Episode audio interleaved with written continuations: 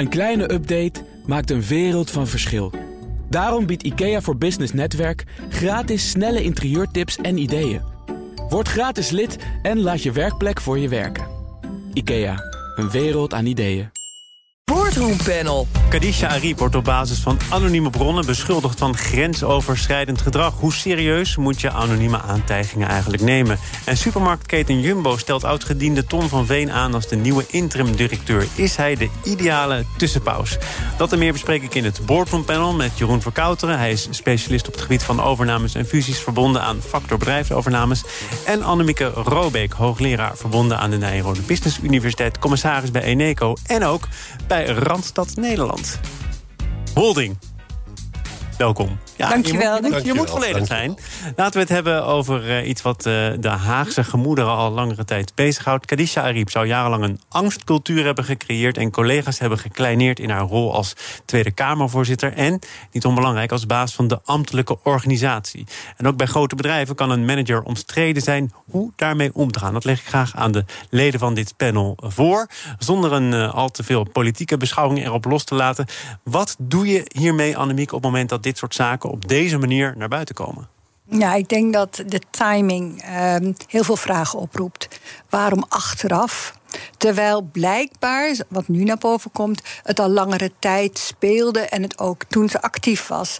En ik vind het uh, altijd heel erg uh, uh, moeilijk om achteraf in deze politieke arena, want daar kun je niet omheen, om dan met dit soort beschuldigingen te komen, als ze ook nog anoniem zijn. Maar vanuit een governance point zou ik met name denken van er is toch een scheiding tussen wat, de baas van de ambtelijke kant en de baas van de politieke kant. En ik denk dat dat hier niet duidelijk geweest is. Of dat misschien mevrouw Ariep daar uh, juist uh, onduidelijk zelf in geweest is. Uh, nog even over dat het een politieke arena is. Want dat zorgt ervoor dat het ook dagelijks uh, in het nieuws is. Maar wat er hier nu in de politiek gebeurt. Gebeurt dat ook met enige regelmaat in het bedrijfsleven? Dat er een topbestuurder vertrekt of een andere functie inneemt? Want mevrouw Ariep is niet vertrokken, hij is nog altijd lid van de Tweede Kamer... op het moment dat die beschuldigingen naar buiten kwamen.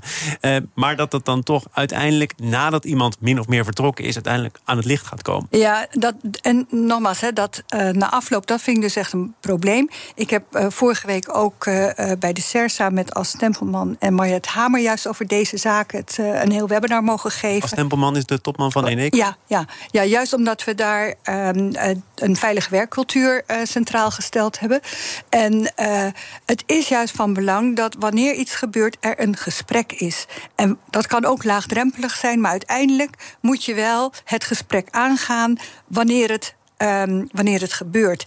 En ik denk dat het steeds moeilijker wordt om te zeggen, nou, jaren later, nou dan ik ook hoor. Jeroen? Ja, ik ben het wel een beetje mee eens. Uh, kijk, het is wel zo, uh, zoals ik het begrepen heb, is dat ze wordt aangesproken op haar gedrag als uh, zeg maar leidinggevende in het ambtelijk apparaat. En niet zozeer de politieke ja. kant van de zaak. Want daar krijgt ze niets meer dan lof over. Dus het gaat echt om het ambtelijk apparaat. En als je dan parallellen gaat trekken met, met zeg maar het bedrijfsleven, dan zie je toch wel vaak dat een CEO die nieuw benoemd wordt, toch wel een aantal vlekjes van de organisatie uh, teruggekoppeld aan de vorige CEO. Dus in die zin zie ik daar wel een klein beetje parallellen. En ik ben het helemaal mee eens met Annemieke. Ik bedoel, het is wel heel makkelijk om achteraf te gaan zeggen... ja, weet je, ze heeft fouten gemaakt of er zijn dingen gebeurd. Ja, je zegt het achteraf, omdat ja, er hier sprake zou zijn van een angstcultuur. Nou ja, goed, blijkbaar zijn ze wel bij de OR uh, gemeld, die gevallen. Nou, dan moet de OR dat op dat moment wat mee doen. Ja. Het is te makkelijk om te zeggen, ze is uit die organisatie... en nu kunnen we praten. De OR is van tevoren gewaarschuwd. Die wist van die nou, 23 gevallen, meen ik. Die wist van een aantal van die gevallen. Dus ja, dan moet je als OR, dat is jouw taak, jouw verantwoordelijkheid... moet je daar ook wat van zeggen binnen waarom gebeurt dat niet? Ja, dat vraagt me dus ook al. Dat nou, is een vertrouwenspersoon. Ja, ik, ik denk dat dat toch een beetje naar die politieke kant... het is een yes-minister-cultuur. Want hier had ook de griffier uh, tijdig moeten uh, opspreken. Ja. En uh, de griffier is zelf weggegaan, heb ik begrepen. Maar ook daar zou uit het exitgesprek heel goed naar voren hebben kunnen komen... wat voor cultuur dan was. Ja. Ik denk dat de politiek heeft daar zeker een, een belangrijke uh, schakel in. Ja, absoluut. Hier ja. wordt wel gezegd, ook door Ariep... ik kreeg als baas van die ambtelijke organisatie de taak mee om het geheel te reorganiseren, te professionaliseren. Mensen kregen andere functies, sommige mensen vertrokken. Uh, en dan meer in algemene zin wordt het leiden van een reorganisatie, wat bij sommige mensen pijn gaat doen, dan te makkelijk verward met tyranniek gedrag. Nou, ik denk, blijkbaar is zij ook niet helemaal uh, geschikt geweest voor die rol. Mm -hmm. Dus uh, de politieke rol kon ze fantastisch uitvoeren. Ja. Het leiden van een ambtelijke organisatie is wezenlijk anders. Want het is gewoon een organisatie, het is een bedrijf. En daar heb je dus blijkbaar ook een ander type manager voor. Manager maar moeten daar dan eigenlijk wel, en nu wordt het toch heel politiek, ja. uh, bespeur ik, nou, Kamerleden over laten stemmen? Nou, die stemmen hun voorzitter, wat ze blijkbaar goed gedaan heeft. Maar vervolgens hoort er ook bij dat er een takenpakket ja, maar dan in is de die vraag, functieomschrijving dan, staat. Klopt, maar dan is de vraag: moet die uh, functieomschrijving niet anders worden gemaakt? Precies. Moet zal er een professionele manager worden aangesteld voor het ambtelijk apparaat? In plaats van de voorzitter, die, of misschien een medefunctie.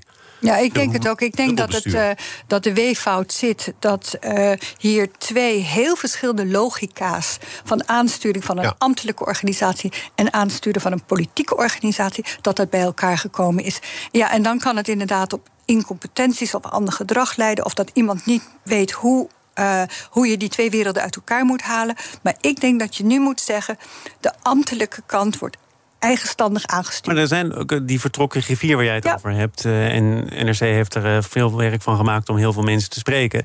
Die heeft ook gezegd, joh, uh, mevrouw Ariep, laten we dit samen doen. En Ariep heeft toen gezegd, ja luister eens, ik ben hier de baas. Ik ben de baas van de Tweede Kamer. Ja, maar op dat moment ja. had men moeten zeggen, dit kan niet. Ja?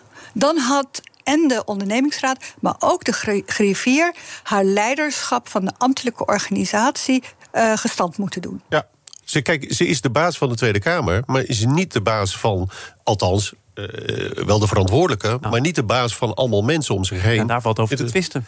Nou, daar ben ik het niet helemaal mee eens. Oké, okay, ze is niet de autoritaire baas, laat ik het dan zo zeggen. Nee.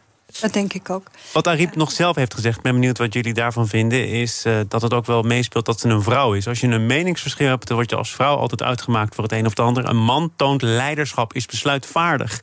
Uh, dus het is eigenlijk seksistisch om op deze manier af te rekenen... met de handelswijze van Ariep. Uh, Annemieke? Nou, ik denk dat dat een beetje kort door de bocht is, moet ik zeggen. Dat lijkt een beetje op wat we ook bij Volt hoorden.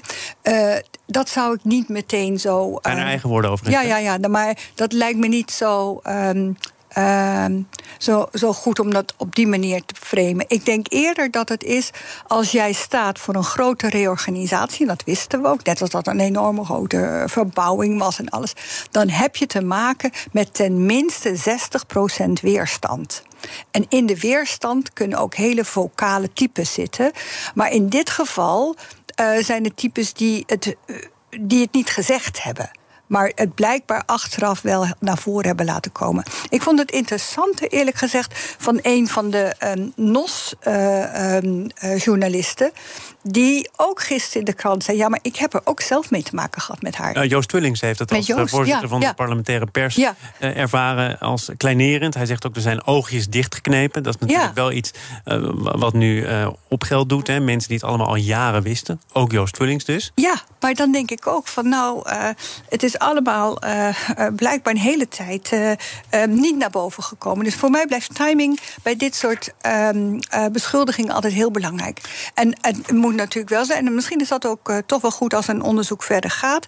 Dat het onderzoek van mij uh, zou met name moeten gaan. Hoe gaan we nou die governance beter regelen? Ja. Hoe is transparantie en aansturing uh, voor de ambtelijke kant en voor de politiek duidelijk? We gaan het over timing hebben, maar dan wel in een andere kwestie. BNR Nieuwsradio. Zaken doen. Thomas van Zeil. Jeroen Verkouter en Annemieke Robeek zijn de leden van het Boardroom Panel. Elon Musk is toch bereid om Twitter over te nemen voor 44 miljard dollar. De Tesla-topman deed in april dit jaar het bod voor de overname... maar zag daar enkele maanden later toch vanaf. En Musk heeft het bestuur van Twitter nu via een brief laten weten... het bedrijf toch te willen overnemen. En dan ook nog wel tegen de oorspronkelijke prijs. Jeroen, er is heel lang gezegd, nou, hij heeft er nog eens een keertje over nagedacht. Toch iets te veel uh, geboden. Dit is een manier om er vanaf te kunnen. Ja. Lijkt allemaal toch anders in de sch- ja, nou, te zitten. Dat, dat weet ik nog niet zo zeker. Maar het is wel toevallig dat hij het nu weer noemt. En ze inderdaad dezelfde prijs vasthoudt. Want je zou zeggen als onderhandelaar dat je zegt... nou oké, okay, ik heb nee gezegd. Niemand anders biedt 44 miljard eh, dollar voor dat bedrijf. Niemand anders is zo gek om. Niemand is daar. Nou ja, goed, ik wou die woorden niet precies gebruiken. Maar inderdaad, het is wel een heel hoog bedrag. Nou, uh, heeft toen ook aangegeven. Er zijn te veel bots, er zijn niet te veel menselijke gebruikers, et cetera. En nu komt hij toch terug met de oorspronkelijke prijs. Ja, dat is natuurlijk wel heel erg opvallend, maar zeker ook raar. Je, je begrijpt dat ik jou aankijk. Je bent fusie- en overname-specialist. Dus ik had hem geadviseerd een lager bod niet te leggen. Nou ja, ook omdat Twitter vermoedelijk toch niet echt kan weglopen.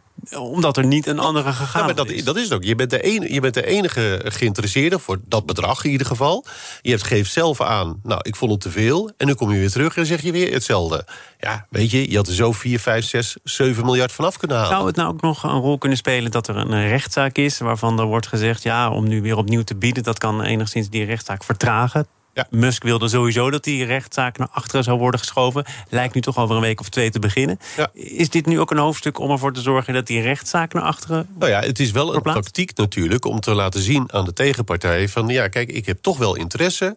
Ik wil best dat gebod, uh, bodgestand doen. Willen jullie weer met mij in gesprek? Nou, op het moment dat dat gesprek weer gaat plaatsvinden, dan gaat inderdaad die rechtszaak naar achter. Want je gaat niet met iemand praten en tegelijkertijd een rechtszaak over voeren. Dat is een beetje dubbel. Dus ja, daar heeft hij dan zijn. Uh, uh, zijn voordeel mee, om het maar zo te zeggen. Maar ja, niet zegt dat uh, Elon Musk niet over twee maanden zegt van nou, ik doe het toch maar niet. Of ik ga toch een lager bod doen. Ja, ik denk ook dat hij nu toch uh, in ieder geval ingefluisterd heeft gekregen. Uh, Elon, uh, je hebt wel heel veel geld, maar met je reputatie staat het niet zo goed.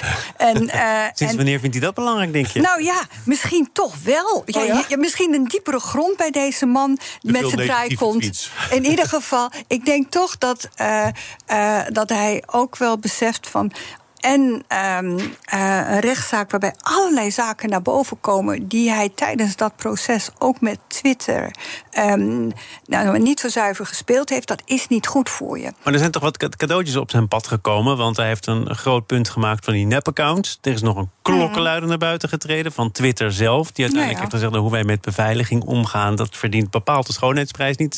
De ja, maar het zijn denk ik toch algemene dingen, kan je volgens mij bij elke social site zeggen. Uh, ik denk dat het veel interessanter is om toch te zien van... en dat is denk ik het briljante van Elon Musk... hij heeft een plan. Hij heeft oh ja, hij een wil, beeld. Dat moeten we wel even zeggen. Hij wil er een grote app van maken... waar Twitter onderdeel van is. Een soort WeChat. ja. ja een soort WeChat, hè, dus waarop we kunnen uh, betalen en alles, alles kunnen doen zoals je dat ook uh, in China met eh, WeChat. En dan is die 44 miljard een schijntje. Dat bedoel ik, dat bedoel ik. En bovendien dan is nog, het. Hè, dan nog zou je toch altijd iets van de prijs kunnen afkrijgen. Maar ja, maar dat maakt bij dit soort uh, deep pockets blijkbaar minder uit. Hoewel hij toch 12,5 miljard van de banken nodig nou, had. Daar wilde ik het nog even over hebben. Want in de Amerikaanse financiële pers is men ook wakker geworden. Het gaat met name over Morgan Stanley. Die ze het allemaal moeten trekken. Die heeft schuldfinanciering toegezegd. Het idee om dat dan vervolgens weer door te kunnen verkopen aan de institutionele beleggers. Maar dat was allemaal het plan van eerder dit jaar. Inmiddels is de economische situatie veranderd. Is de risicobereidheid van banken wellicht ook wat afgenomen. Uh, is dit een hoofdpijndossier? Um, voor de banken misschien wel. Ah, ja, ja, maar laat ik het zo zeggen. Kijk, uh, op het moment dat uh, Elon Musk deze deal wil gaan doen... dan zal hij inderdaad uh, bankaire financiering... of in ieder geval private equity financiering op moeten halen. De rente is inmiddels al een behoorlijk stuk gestegen. Dus ja. ik zie daar inderdaad wel een issue voorbij komen. Want het is best een risicovolle deal. Laten we wel wezen, 44 miljard voor een bedrijf wat als platform moet gaan dienen voor een heel mooi groot bedrijf. Maar het is er nog niet. Is er niet. Dus nee, ja, weet je, het risicoprofiel. Beleggers kijken gewoon naar risicoprofielen. En op het moment dat die te groot is, zeggen ze ook: jongens, we willen een hoger rendement hebben. Dus ik zie het nog niet zo snel gebeuren. Dan hebben we de moeder aller vragen, zeker als clichés ook meetellen. Hoe gaat het aflopen? ik denk dat hij het wel doet. Ik... Dat hij eigenlijk nu wel over die brug heen gaat. maar hij wordt geduwd. Nou, dat weet ik. Misschien een beetje minder. Maar misschien dat hij zeg maar, die 12,5 miljard er nog af gaat praten of zo. Nou, ik denk niet dat hij het gaat doen. Uiteindelijk niet. Nee. Maar dan is, is, dan is hij een to, als totaal uh, onbetrouwbare uh, uh, partij wordt hij afgeschilderd. Ja, maar dat is dus ook een beetje het probleem. Dat heeft hij, nu, hij heeft het de afgelopen maanden, of afgelopen jaar eigenlijk... een aantal dingen geroepen, gezegd... waardoor hij de betrouwbaarheid gewoon niet heel hoog in het vaandel Ja, maar de impact daarvan op de andere bedrijven wordt daarmee heel groot. Nee, dat weet en, da, en dat is denk ik waar, waardoor toch zijn advocaten ook zeggen Bind nou een beetje in. Ja, maar goed, waarom noem je dan nu 44 miljard? En eh, dat begrijp ik niet helemaal. Kijk, als je dan toch door wil gaan, dan ben je een slimme zakenman als je nu wat lager gaat zitten. Hmm. Of hij gaat het uiteindelijk kopen tegen 35, 30 miljard. Hij ziet zichzelf niet als zakenman, hij is een genius. Ja. Oké, ja. oké, Ook terug naar aardse zaken. Naar een supermarktketen Jumbo benoemde deze week de voormalig financieel directeur Ton van Veen als opvolger voor de tijdelijk teruggetreden Frits van Eert. En Van Veen was 18 jaar lang de financieel directeur van Jumbo, legde begin dit jaar die werkzaamheden neer om plaats te nemen in de Raad van Commissarissen. En Annemieke, dan komen we meteen bij het construct dat gekozen is. Van Veen is nu de gedelegeerd Ja. commissaris. Eh, NRC en ook eh, het FD stelden vast dat is een bijzondere aanpak, een bijzondere methode. Kun jij kort uitleggen de figuur van de gedelegeerd commissaris? Waar ga je dan over? Wat zijn je bevoegdheden? Nou, je bent nog wel eh, lid van de Raad van Commissarissen. Ehm, je mag ehm, alleen wat, wat meer actiever in het bedrijf meekijken. Eh, ook soms doen. Ik heb dat bij SNT vroeger eh, mogen doen... om echt een heel groot veranderingstraject te doen als gedelegeerd commissaris. En ook bij PCM Uitgevers. Maar dat doe je dan in de plaats van een directeur. Ehm, nou, of als er niet iemand, zo iemand voorhanden is. Hè? Kan het ook zijn als je echt een grote verandering zou willen doen. Ehm, maar in dit geval denk ik dat het een hele elegante manier is voor de familie om tijd te kopen, om het respect eh, naar, de, ehm, naar Van Eert ook te tonen, maar ook om. een safe pair of hands aan boord te hebben. En als gedelegeerd commissaris zeg je ook van hij is geen intrimmer. Hij heeft, hij heeft niet de titel CEO, eh, maar hij kan met de ervaring die hij heeft, in ieder geval de boel ehm, nou ja, laten lopen zoals het het beste nu uitkomt. Maar jij was gedelegeerd commissaris blijkbaar om bij te dragen aan een grote verandering. Ja. Deze gedelegeerd commissaris gaat letterlijk en figuurlijk op de winkel passen. Exact, ja, ja. Dus je kunt hem wel verschillend invullen. En ik heb hem ook bij PCM Uitgevers eh, eh, gehad vroeger. eh, toen alle commissarissen eigenlijk weggelopen waren. Of alleen nog maar de ehm, juristen waren die met elkaar praten. En ehm, Erik van der Merwe en ik als onafhankelijke commissarissen... bijna een jaar lang dat bedrijf ehm, gedelegeerd hebben moeten aansturen. Is dit de beste oplossing? Eh, kun jij je voegen bij Annemiek? Nou, dan, is, er- dan moet je even teruggaan. Er zijn twee rollen die hij kan aannemen. Dat ene rol is als tussenpaus. Dus dat hij inderdaad eh, op de winkel past totdat ze een nieuwe topman hebben gevonden. Dat is de ene kant van de zaak. Want ik zie Van Eert niet zo snel terugkomen in die rol. Tweede mo- mogelijkheid is dat hij gewoon als stroomman wordt neergezet, inderdaad. Winkelpassen, maar op de achterbank zit daar wel Van Eert... die eigenlijk de feitelijke leiding doet. En in beide gevallen... Kijk, in het eerste geval denk ik dat het een hele goede rol is. Als tussenpaus, dan ga je iemand anders zoeken... en dan uiteindelijk wordt die eh, functie vervangen. Want het is inderdaad niet een veranderingstraject. Het is Nee. letterlijk gewoon... er is iets gebeurd met de Continuïteit van de onderneming van garanderen. Ja, Dus dan zoek je de beste persoon, de meest betrouwbare persoon... die de organisatie goed kent, die de mensen ook goed Er kent. is overigens nog een gedelegeerd commissaris. En dat is de zus van Frits Ja. van Eert. Waarover Jumbo zegt... die moet een verbindende rol gaan vervullen... tussen bedrijf, commissarissen en de familie. Ja, maar goed, in alle eerlijkheid, wat er nu gebeurd is natuurlijk met Van Eert... ja, weet je, ik zie de familie niet zo snel meer terugkomen... in de functie van CEO. In welke, in wel, welke de persoon familie dat is. of Frits van Eert? Nee, eh, Frits van Eert sowieso. Eh, dan is de volgende vraag: van, ja, gaat dat dan inderdaad een familie ook worden? Ik denk, het, ik denk dat het beste voor het bedrijf zou zijn als ze een buitenstaander gaan aannemen. Ja, en ik denk ook wanneer er nu een buitenstaander eh, geweest zou zijn, zou je ook nooit deze hele constructie genomen Klopt. hebben. Nee, Dan was het absoluut. meteen exit geweest. Dit is typisch het familiebedrijf, ehm, waar deze oplossing, ik denk op dit moment, ehm, eh, goed gekozen is. En ik begrijp ik ook heel erg goed, want zo'n familie die is, heeft de tijd nodig om even te herschikken. Ehm, maar ik denk ook met jou dat het, eh, ja, afhankelijk natuurlijk wat uit dat gerechtelijk onderzoek komt, maar dat het toch niet eh, vanzelfsprekend is dat, ehm, dat Frits terugkomt op die positie. In de kantlijn van deze discussie werd volgens mij ook bekend dat Frits van Eert kiest voor een andere advocaat. Hij liet zich bijstaan door de huisadvocaat van Jumbo. Ja. Er zijn ook in dit panel eh, voldoende stemmen geweest die hebben gezegd: ja, dat heeft. Kan toch- niet. Nee, Nee, dat is- kan niet. Nee, dat kan niet. Ah, hij heeft het dan toch een paar weken volgehouden. Ja, ja, ook omdat dat ook weer zo, zeg maar. eh, eh, de familie ons kent ons, vertrouwen. Eh, die mensen kennen ons, die weten. En dan moet je toch denken: nee, ik ben nu in een totaal andere positie. Eh, ik heb een ander onafhankelijke advocaat nodig. Juist omdat ik de familie niet en het bedrijf niet verder um, onderwerp van gesprek moet laten zijn. Jeroen, jij, kan, jij kan het daarmee eens? Ja, dat is, gewoon een, dat is gewoon een ervaringsproces. Kijk, in, in eerste instantie denk je natuurlijk, ja, Jumbo, ik bedoel, dat is de advocaat, dat is mijn huisadvocaat. Zo zit het altijd in dat soort situaties, familiebedrijven. Op een gegeven moment moet je de keuze maken: is dit gezond voor mijn onderneming?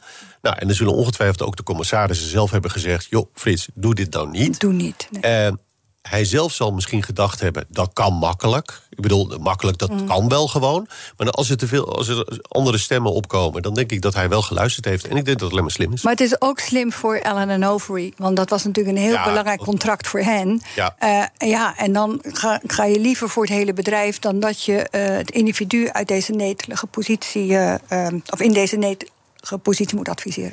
Goed om ook naar jullie te hebben geluisterd. De leden van het boardroompanel Annemieke Robeek, hoogleraar verbonden aan de Nijrode Business Universiteit, commissaris bij Eneco en bij Randstad Nederland Holding. Jeroen Verkouteren is uh, specialist op het gebied van overnames en fusies verbonden aan factor bedrijfsovernames. Dank voor jullie bijdrage. Zometeen hoor je alles over de nieuwe plannen van het Veilinghuis Adams. Het inrichten van je eigen zaak is best wel wat werk. Daarom biedt IKEA voor Business Netwerk 50% korting op interieuradvies. Word gratis lid en laat je werkplek voor je werken. IKEA, een wereld aan ideeën.